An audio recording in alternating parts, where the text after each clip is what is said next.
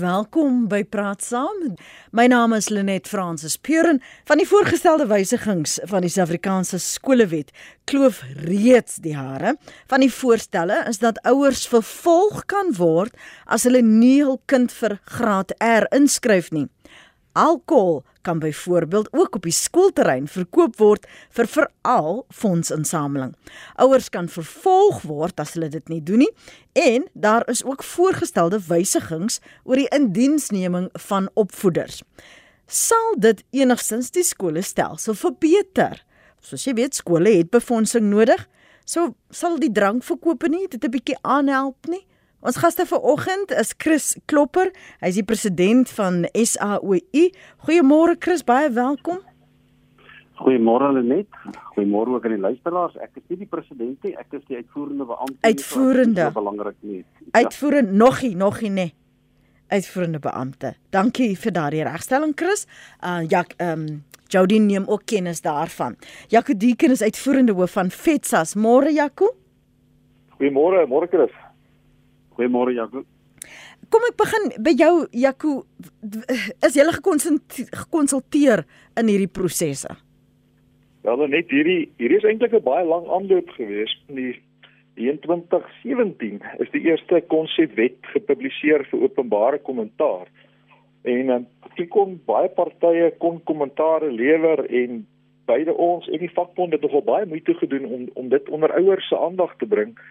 En uh, dit was so 'n tyd gewees wat uh, die e-tol nogal groot nuus was en mense destyds die geleentheid amper gemis het om kommentaar te lewer en almal het geskrik wat toe gebeur het. Mm. En uh, meer as net amper amper 5000 kommentare is ingestuur op hierdie voorgestelde wet op die onderwyswette en uh, so 144 petisies is ingestuur wat amper 200 000 mense onderteken het. En toe dan nou 'n proses begin uitspeel, so hierdie taakspan het toe met weer al die kommentare moes werk, is bietjie oorweldig, nie bietjie nie baie oorweldig. En hulle het amper 2 jaar gewerk om deur die kommentare te kom. En uh, ons het opvolgvergaderings met die departement en die minister self gehad om nog insette in die dokumente kon lewer.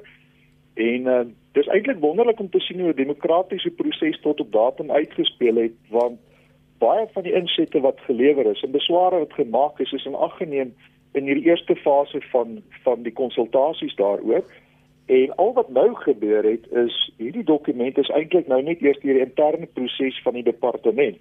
So nou begin die parlementêre proses waar dit deur die portefeulje komitee moet gaan in die verskillende parlement se afdelings en daar sal weer 'n geleentheid wees vir vir insaam kommentaar glo ons by die portefeulje komitee.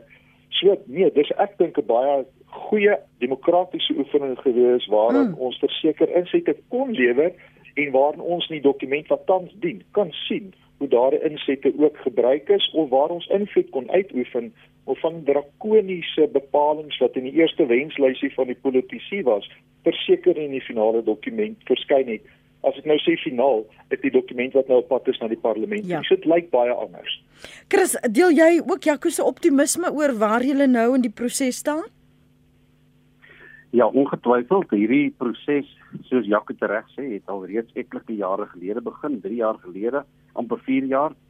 Ons het ekstensiewe kommentaar op seker 3 verskillende geleenthede gelewer. Die minister het geluister na ons en van die drakoniese aspekte soos Jacques reg sê, is aangespreek en ons is baie bly daaroor.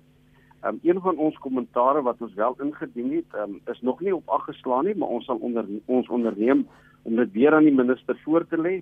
En een, dit is 'n aspek wat ons sê dat daar is regtig 'n behoefte dat goed funksionerende skole groter autonomie gegee moet word. En kom ek verduidelik hoekom. Weet jy openbare skole word baie keer weet jy verguis om te sê hulle is hulle kwaliteit en hulle standaarde is nie op op pyl nie. Maar die realiteit is van jou bes funksionerende openbare skole is beter as enige privaat skool wat jy kan kry. Daai skole streef nie vir 'n 100% slaagsyfer nie. Uh mhm. -huh. Hulle streef vir 'n 100% universiteitstoelating en hulle het 'n ongelooflike en 'n vlekkelose rekord van van prestasie. En ons sê daardie gemeenskappe en daardie um, skole moet vertrou word dat hulle daai skole tot groter hoogtes kan voer en daarvoor moet hulle groter autonomie gegee word.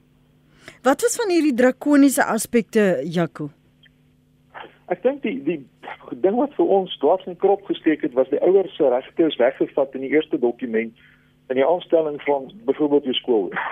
En ek dink dis een van die belangrikste poste in jou skool waarom die hele wiel draai is is skool. En as die staat eenvoudig besluit ons besluit wie is die skole vir daardie gemeenskap dan vat dit regtig ouers se regte weg om direk betrokke te wees by die onderrig van hulle kinders. So dis een van die grootste bekommernisse en besware wat ons gehad het was juist oor hierdie hele aanstellingsproses om te sê dit behoort nie 'n proses te wees wat 'n amptenaar uit 'n kantoor dryf nie. Mm. Die skoolbeheerliggame gemeenskappe se mense wat weet hoe werk die skool, wat is die behoeftes en wie gaan die beste werk. En ons is van mening dat daar meer as genoeg kriteria en vang net in plek sal wees uh, om seker te maak dat daar nie simpel besluite geneem gaan word in daardie proses nie. Ek dink een van die ander aspekte waar ons uh, baie kommentaar gelewer het, wil ek aansluit by Chris.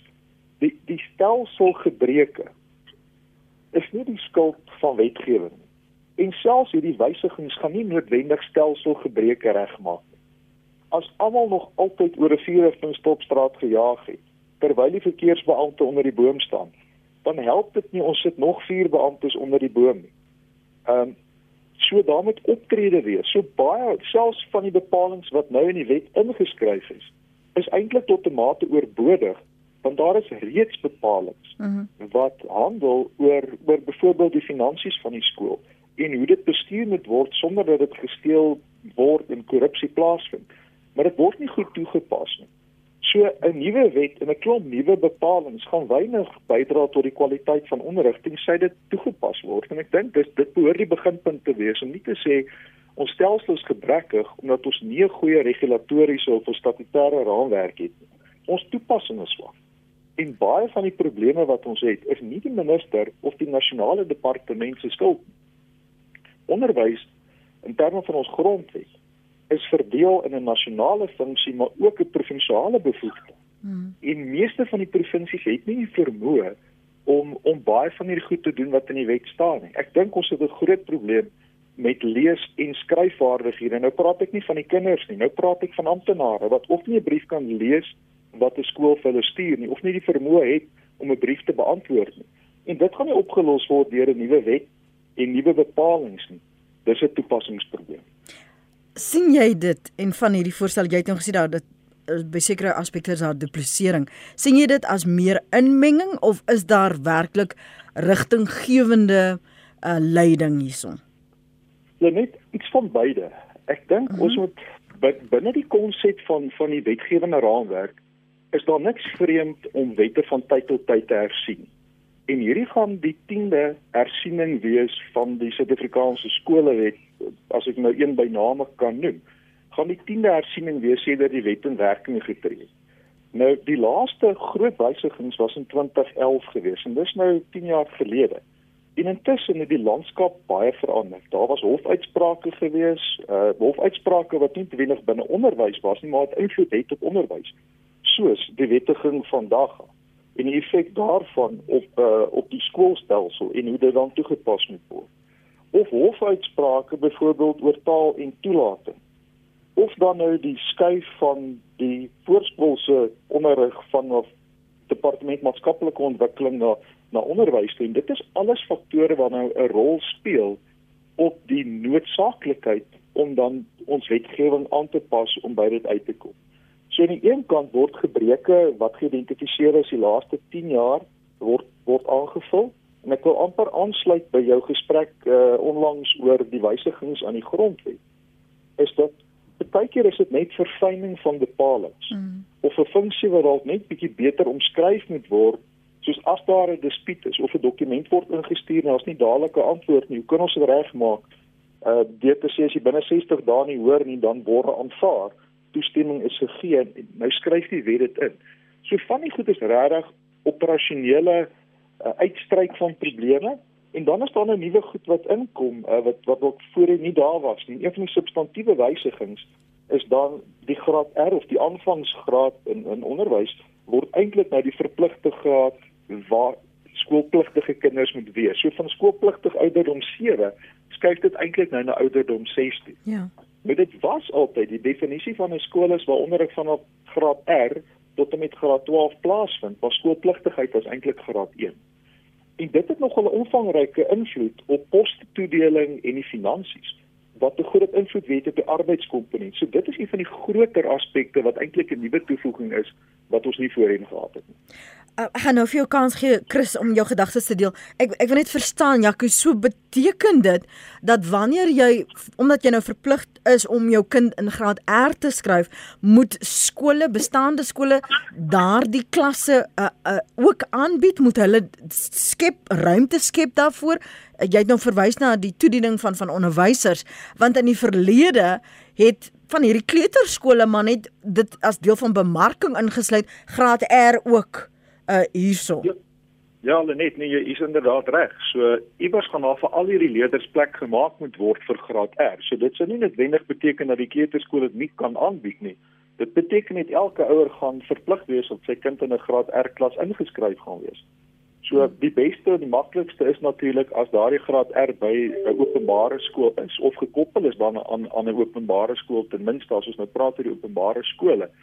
Maar So die logistieke oefening daar rondom gaan baie groot wees. Maar dit moet ons nou lees en verstaan binne die konteks dat die hele voorskoolse onderrigfase skuif nou van maatskaplike ontwikkeling af. Die hele boedel skuif nou 1 April volgende jaar. En dit word versuim nie noodwendig in die skolewet en hierdie wysigingswette aangespreek nie. Mm -hmm. Maar daar gaan 'n reuse klomp regulasies binne die volgende paar maande moet verskyn om daardie skuif te fasiliteer. En die volgende kaart op die tafel wat die minister reeds gesit het, is om graad dubbel R ook in te faseer en in te bring. Ehm um, maar ek dink Chris gaan meer syfertjies kan gee oor die koste van hierdie skuif net van graad R. Dink ek nie daar gaan baie vinnig fondse wees vir dubbel R nie, want die destyds is amper 20 jaar terug wat die besluit geneem is ons wil graad R in skole inkry en dit het amper 20 jaar gevat om tot op hierdie punt te kom en ek dink ons gaan ook nog 'n rukkie vat vir die volgende fase. Chris, dankie vir jou geduld. Geen probleem. Um, ek wil terugkom na die kwessie van die aanstelling van die skoolhoofde. Ehm um, ons het met die minister baie baie lank gesprek gehad. En die SAU het baie lank en hard ook met die ander vakbonde gesels en gesê ons kan nie toelaat dat ons kyk na gesentraliseerde stelsel vir die aanstelling van skoolhoofde nie. Want hoekom is dit belangrik? Ons het in 96 gesê ons kan nie herhaling hê van 1976 mm. van waar 'n skool eintlik ja. as 'n staatsskool beskou word nie. 'n Skool moet 'n gemeenskapsinstelling wees en moet die gemeenskap reflekteer en die gemeenskap moet 'n inspraak hê in die aanstelling van daardie um, van daai betrokke skoolhoof. Dis die een punt en die ander punt is daar is sekere provinsies, ek hoef nie name te noem nie, wat hoegenaamd nie in staat is om so 'n gesentraliseerde stelsel, weet jy, van onderhoudvoering en weet jy aanstelling te kan hanteer nie. So ons het toe met die minister gesprek gevoer en daar is toe ooreengekom ons sal die kollektiewe ooreenkomste in die raad op arbeidsverhoudinge sal aangepas word en ons het vir haar die versekering gegee ons sal dit so op so 'n wyse doen dat ons sal verseker dat die heel beste um, adjunkhoof en die heel beste skoolhoof aangestel word by skole en ons is besig met daai proses. So ons is baie dankbaar daaroor. Um, en dit is dat dit is dan ook 'n bevestiging dat skole weet die gemeenskapsinstellings is. Met betrekking tot die graad R Daar is twee aspekte wat ons moet onderskei hierso. Eerstens is daar's baie groot gewag gemaak van VKO. Nou dis die vroeë kindontwikkelingsfase, maar heidaglik is dit 0 tot 4 jaar. Mm -hmm. En dit is tans by departement van maatskaplike ontwikkeling en daardie enkele poste gaan oorskuif na departement basiese onderwys toe en dit val nie onder die wet um op die onder die SA skole wet nie. Daai personeel gaan ook nie val onder die wet op indiensneming van opvoeders nie. Um heidaglik kan ek net vir jou sê is daar omtrent 55000 weet jy van hierdie voorskoolse inrigtinge geregistreer by hierdie departement van maatskaplike ontwikkeling. Daar is nie 'n voorgeskrewe um kurrikulum nie en uh, wat hulle eintlik voor kwalifiseer is dan subsidie op 'n voedingsskema. So dit is 'n aspek, maar die groot omwenteling is die implementering van graad R. En kom ek noem net vir jou die werklike koste implikasie waarvan ons praat. Daar is tans omtrent 370 000 onderwysposte of opvoedersposte in die stelsel. Die onderwysbegroting is reeds 23-24% van die nasionale begroting. Daar is nie ruimte om dit te te verbreek en te vergroot nie. Die beplanning is om uiteindelik 25000 van hierdie graad R poste by die omtrent 10000 nee, is bietjie meer omtrent 15000 laerskole in Suid-Afrika te vestig. Die koste daaraan verbonde is tussen 8 en 9 miljard rand per jaar. Hm. En ja, dit is en dit is omvangryk. Nou ons praat van 25000 poste, maar tans is daar net 7900 personeel wat gekwalifiseer is. Dit wil sê hulle het 'n M+3 kwalifikasie. Dit wil sê matriek plus 3 jaar. En dit is die personeel wat aanvanklik geïmplement geïnkorporeer gaan word, oorgeplaas gaan word. En ons sal moet hard en ernstig praat in die Raad op Arbeidsverhoudinge. Wat gaan ons doen met die ander personeel? Dit wil sê weet jy, dit is dis 10000 plus mense, amper 15000 mense wat wat geïnkorporeer moet word op 'n wyse wat nou nog nog nie um, voor enige rigting bestaan. En dit gaan een van die harde neute wees om te kraak in die volgende 2, 3 jaar. Ons weet graad RR moet ook kom, maar dit is eers 'n stywe en 'n baie styl bult wat ons moet oorkom met betrekking tot graad R voordat ons graad R mooi netjies in die nodige kanne en kruike gaan hê om te sê okay, graad R is in plek en nou kan ons kyk na graad RR. Maar julle, ek weet nie hoe lank gelede julle insig gaan insig gaan dit oor wat in kleuterskool gebeur nie. So kom ons veronderstel dit word dan nou geskuif na 'n laerskool. Wie bepaal dan daardie syllabus, daardie voorbereiding vir wanneer hulle graad 1 toe moet gaan? Wel, ek kan vir jou sê ons is um, die SAWI is op die taakspan wat nou kyk na die ontwikkeling van 'n uh, kurrikulum vir graad R. Dit is 'n formele kurrikulum ons sal in die proses ook kyk na graad RR en ons het ons heel beste kurrikulumkundiges beskikbaar gestel vir die ontwikkeling hiervan want dit is nie net weet jy 'n afgewaterde graad R 'n graad 1 nie dit moet 'n heeltemal nuwe oorspronklike kurrikulum wees wat aanpas sodat ons die nodige kurrikulumbousteene kan hmm. pak en en en wat belangrik is mense moet dit besef dat as jy wil behoorlike leesvaardighede aanleer jy wil behoorlike kleinmotoriese vaardighede aanleer en ook syferkundigheid aanleer, dan moet jy die kurrikulumbousteene van graad RR uitpak tot en met graad 12 sodat dit 'n progressie toon sodat jou leesvaardighede, jou syfervaardighede alles mooi netjies progressief op mekaar pak. Dit kan nie net 'n ad hoc pos wees, 'n proses wees wat jy oorlaat aan enige kleuterskool of 'n graad R juffrou nie. Daar moet 'n voorgeskrewe kurrikulum wees. Jy luister na Praat Saam, weekoggende 8 tot 9. Luister, dit gaan net meer vervallenheid op die skole teweegbring. Hulle moet daai idee heeltemal los. Dis skone skone ons wat hulle wil aanvang. Baie Môre Lenet, Lisay van Pretoria. Jong, weet jy wat nê, nee, hierdie 'n mens kan net lag. Daar is baie maniere om geldinsamelings te doen. Nou moet hulle met die drank begin. Ek dink die ou wat dit uitgedink het nê, nee, is belaglik verby.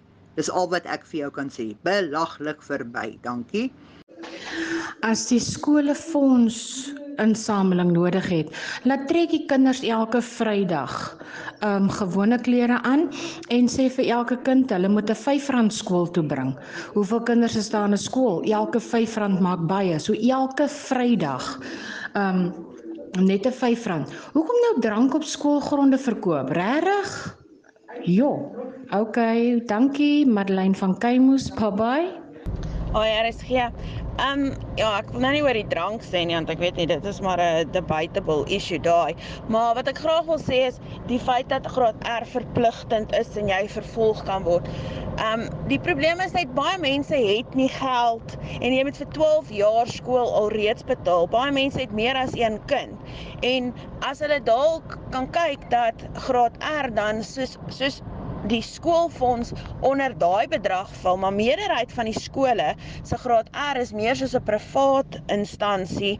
Ehm um, die gelde wat die mense betaal daar is wat die juffrouens van die graad R klasse se salarisse dek want die dit val nie onder ehm um, jy weet die die die government se uh, se se salarisgoeders nie. So ja, dalk moet hulle daarna kyk. Is maklik om te sê verplig en is goed, maar ehm um, ja, die finansiële impak daarvan op party mense, dis die probleem. Môre Lenet is Anne Marie. Nee genade. Die skool is soos 'n plek van opvoeding. Wat 'n voorbeeld van dit nou vir die kinders stel. Dis nie nou 'n rugbywedstryd of 'n kroeg nie. So nee, ek sê absoluut nee daarvoor. Dankie. Goeiemôre Lenet en jou gaste en luisteraars. Ehm um, dis vir my eintlik lagwekkend. Want as jy sien en kyk hoe ouers te kere gaan met 'n glas Coke en 'n pak Simba chips, weet ek nie wat se sport ons nou nog gaan sien as daar drank ook moet verkoop word by skole uh by inkomste en by verfondsinsamelingsdoeleindes en al daardie goed nie. En aan die ander kant as jy drank wil hê op die skoolterrein, hoekom stuur jy nie net maar jou kind sommer met 'n bier na die skool toe nie? Dan word dit mos nou baie makliker. Dankie, dis Henny van Boksburg. Een sê Eilenet en gaste, waar val hulle nou uit met die alkohol? Dis regtig 'n gekke paradys. Behoede ons, waar is konserte hou? Nou of selfs talentaande. Uh, ons het COVID, dit so dalk 'n bietjie moeilik om mense ehm um, almal uh, toe te laat. En 'n ander luisteraar het gesê, "Hoekom verkoop hulle nie sommer ook dwelms nie?" Nie stel 'n goeie voorbeeld uh vir die kinders dat ek net oor die bladsy verder uh omblaai en vir kinders as peers vir kinders drink hoekom nie? Uh weg nie eet wegneem eet is nie nie braai nie.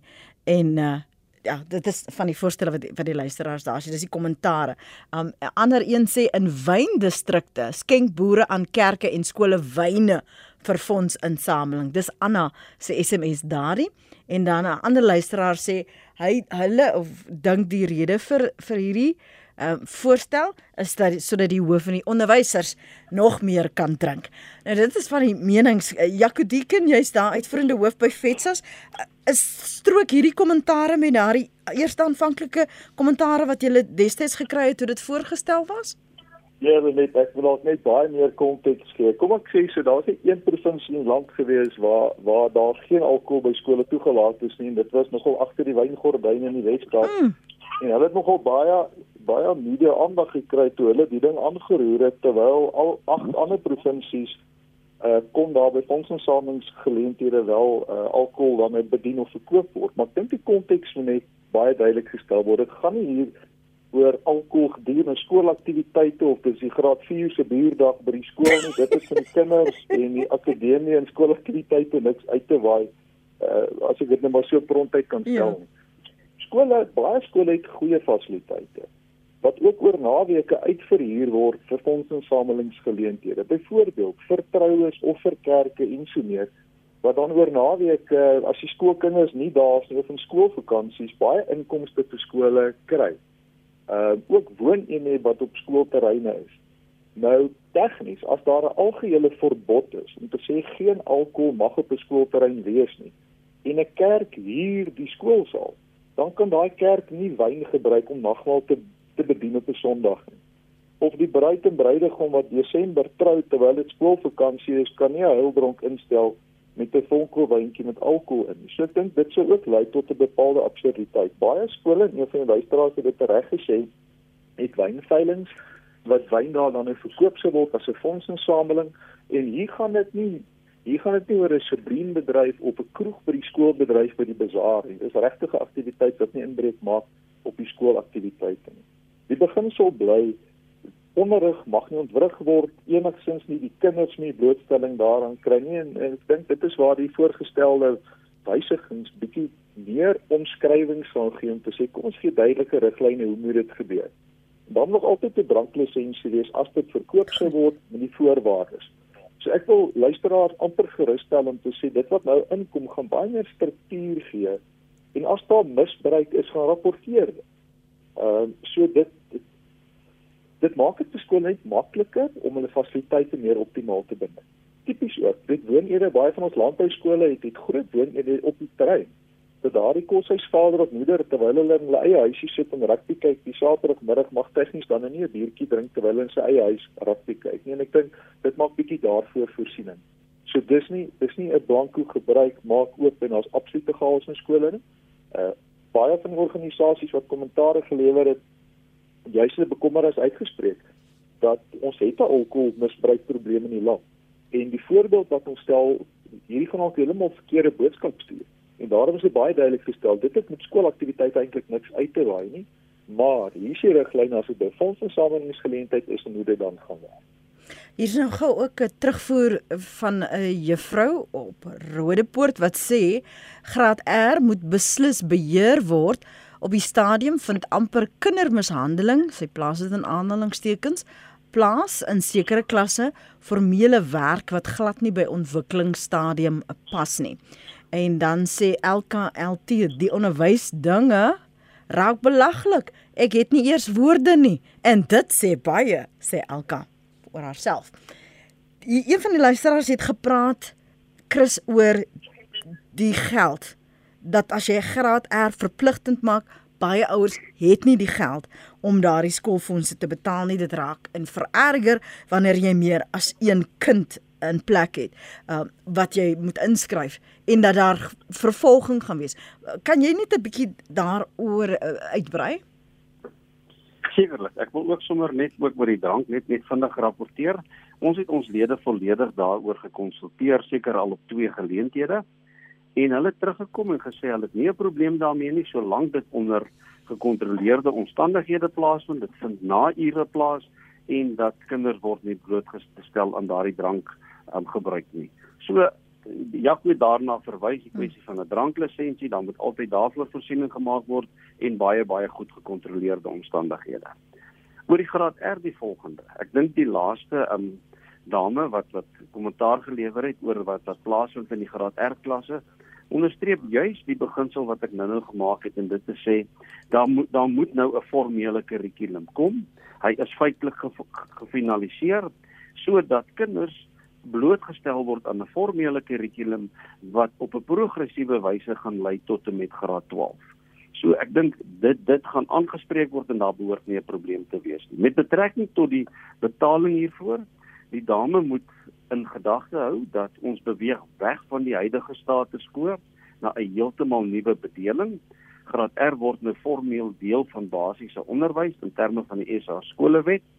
Um sy kan aansoek doen vir vrystelling van van die betaling van skoolgelde as sy voldoen daaraan dit kan gedeeltelik wees dit kan ook volledig wees en dan baie belangrik die personeel gaan oorskuif na die diensstaat van die onderwysdepartement toe die onderwysdepartement gaan dit betaal en daarom weet jy kan ons nou al voorstel gaan gaan graad R baie baie goedkoper en baie meer bekostigbaar wees en hy sal presies dieselfde wees as enige leerder weet jy in die in die laerskool en daar behoort geen onderskeid te wees nie. So ons voorsien dat ehm um, dit gaan 'n nuwe bedeling wees. Dit gaan groot voordele inhou vir die totale onderwysstelsel en dit gaan lei tot 'n meer geordende leerproses waarby alle leerders uiteindelik gaan baat.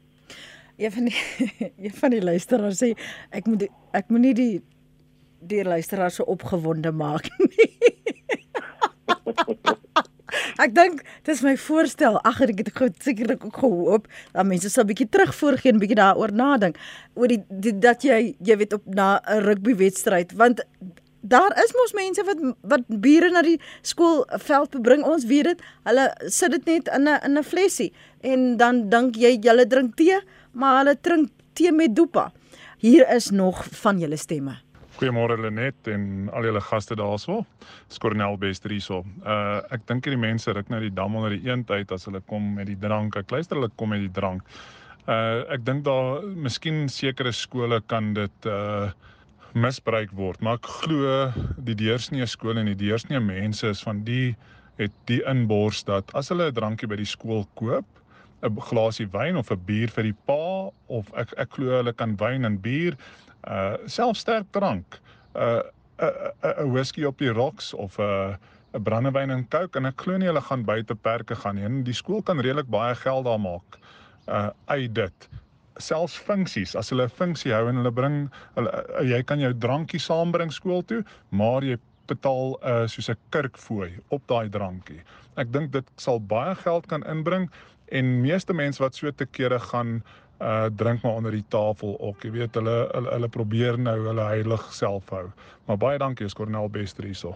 Terwyl my kinders in die skool was, het ons entrepreneurs daar gehad. Die laaste week van die kwartaal het um, daar's 4 kwartale. Die laaste week van die eerste kwartaal het graad 1, 2 en 3 'n entrepreneursdag gehad En so het dit opgegaan. Elke kwartaal het 'n ander standaard of twee entrepreneursdae gehad. Dit was 'n massive fees. Daar was 'n springkasteel. Dit was 'n jol geweest die tweede laaste dag van skool. En hulle het baie geld gemaak daardeur. Nou al drank verkoop. Hulle is blerry simpel. Wil nie sommer maar vir die kinders net drank gee vir pouse nie. Môre hulle net dit verstom my dat die grootste drankmisbruikers op die planeet Suid-Afrikaners nou vanoggend so te kere gaan omdat die departement nou drank wettig op die persone verkoop. Dit word al lank al wettig verkoop. Jy moet net 'n dranklisensie hê, jy weet. Goeiemôre Lenet en gaste, by die koker van Montague. Ek dink om drank te verkoop uh is baie goed. Want dit lyk my ons wil hê die leerders moet drink. Ons wil hê die leerders moet die onderwysers aanraan. So dit is waarna ons toe moes gaan. Die rotting is uit die klas uitgeneem. Alles is uit die klas uitgeneem. Daar is geen orde, geen dissipline by die skool nie. En nou kom ons nog met 'n drankvoorstel wat verkoop word op 'n skoolterrein. Taboe. Mooi dag, bye. Goeiemôre Lenet en meneer Chris Klopper, sowel as dokter Jaco Dieken.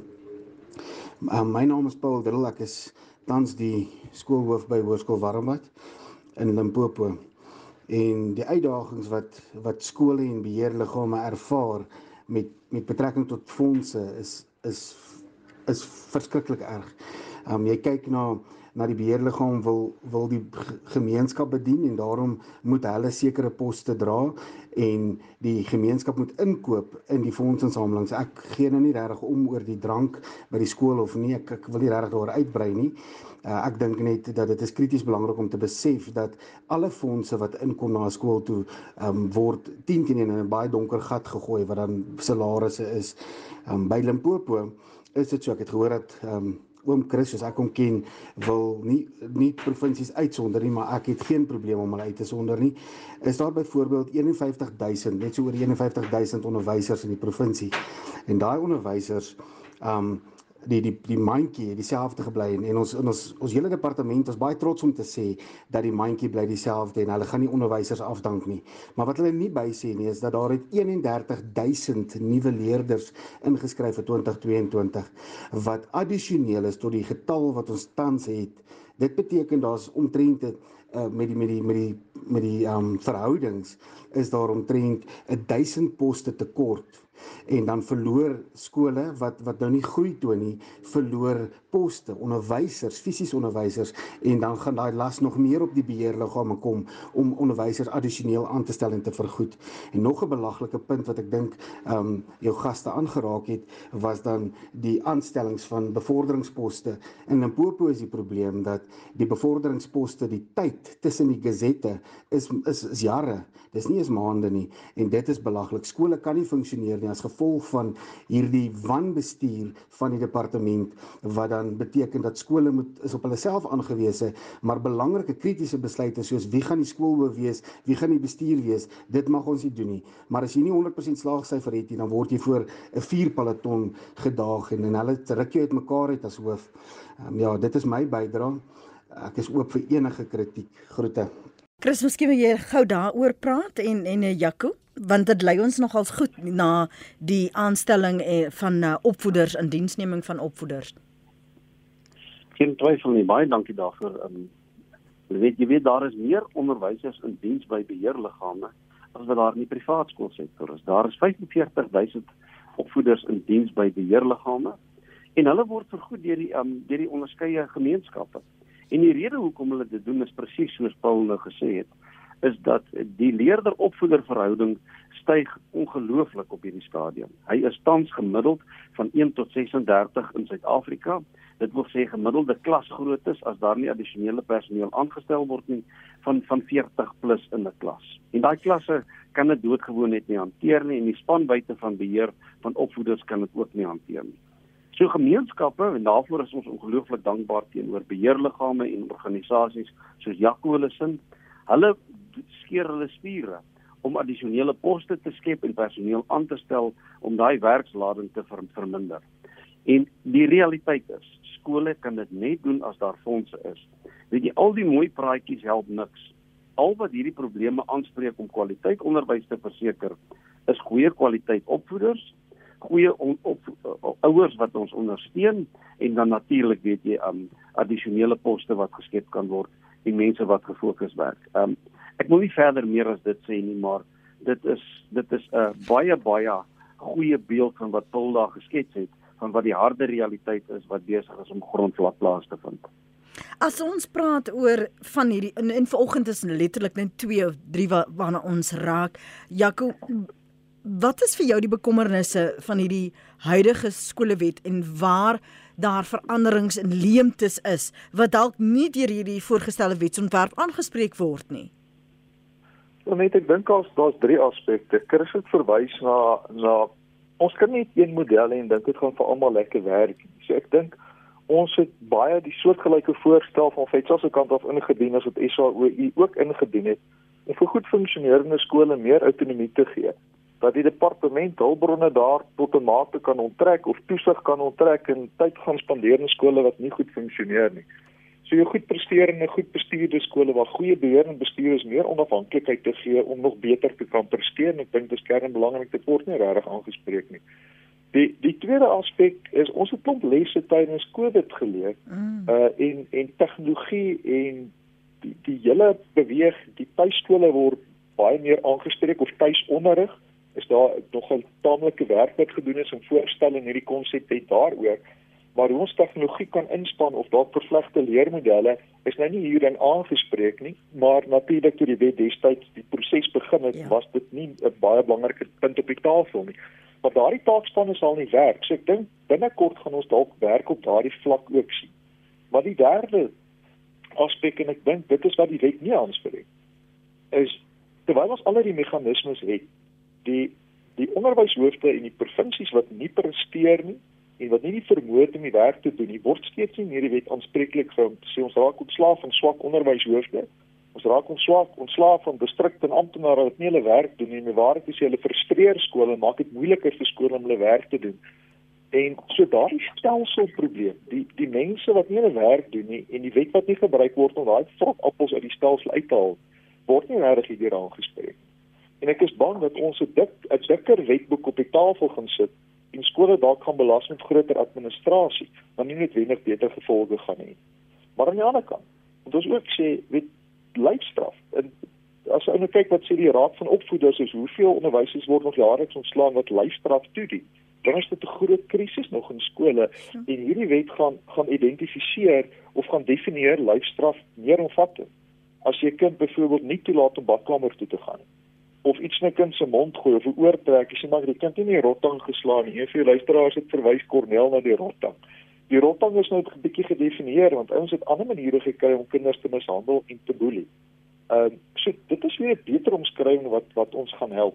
Maar ek dink ons sit uh, in die breë 'n word regtig 'n klomp goed aan, aangespreek. Uh, ons het vandag op 'n paar punte gefokus. Hmm. Maar ek bedoel uh, As jy kyk na gebaretaal is ingebring en die samestelling van skole is bietjie na gekyk, die samestelling van beheerliggame, fokus skole. So dit is baie omvattend, maar ons gaan binnekort weer wysigings hê en ons moenie skrik as dit gebeur nie. Ek meen kontrakte reg is is duisende jare uit en onderwysreg is eintlik 'n jong vakgebied. So soos dit ontwikkel, gaan ons bly werk in onderwyswetgewing. Hmm. Ek wonder nou Christer afsluiting of of jy vir ouers dan nou kan sê veral diegene wat hulle kinders in graad R volgende jaar moet inskryf of of soek na 'n plek dit in my kop as as ouers sou dit wyser wees as jy dit natuurlik ook kan bekostig om 'n kind al reeds in 'n stroom te plaas of by 'n skool waar dit of aangebied word of waar daar 'n mate van dit is nou die voedingsskool vir daardie laerskool want dis die laerskool graad R ekskuus graad 1 wat ek in gedagte het vir my kind dat jy nou al daardie loopbaan so moet beginne beplan. Wat sê jy vir ouers vanoggend? Maar wat ek vir ouers wil sê is die volgende. 1 dat graad R gaan volgende jaar formeel geïmplementeer word. Um in Gauteng begin hulle reeds 1 Januarie daarmee. Gauteng het die fonds om dit te doen. Die ander 8 provinsies, hulle wag tot 1 April vir formele implementering Maar ek weet dat skole dwars oor die land waar ons lede het, is reeds besig met die beplanning vir die implementering daarvan volgende jaar. En daar waar skole nie klasse het nie, is van die skole nou besig, weet jy, om te kyk na plaaslike kleuterskole om dit ook satellietkampusse van skole te maak. So daar's baie maniere, weet jy, om dit te kan verwesenlik. Dit gaan oor die langtermyn vir ouers baie goedkoper wees hmm. om hulle kinders in graad R in te skryf as by privaat skole.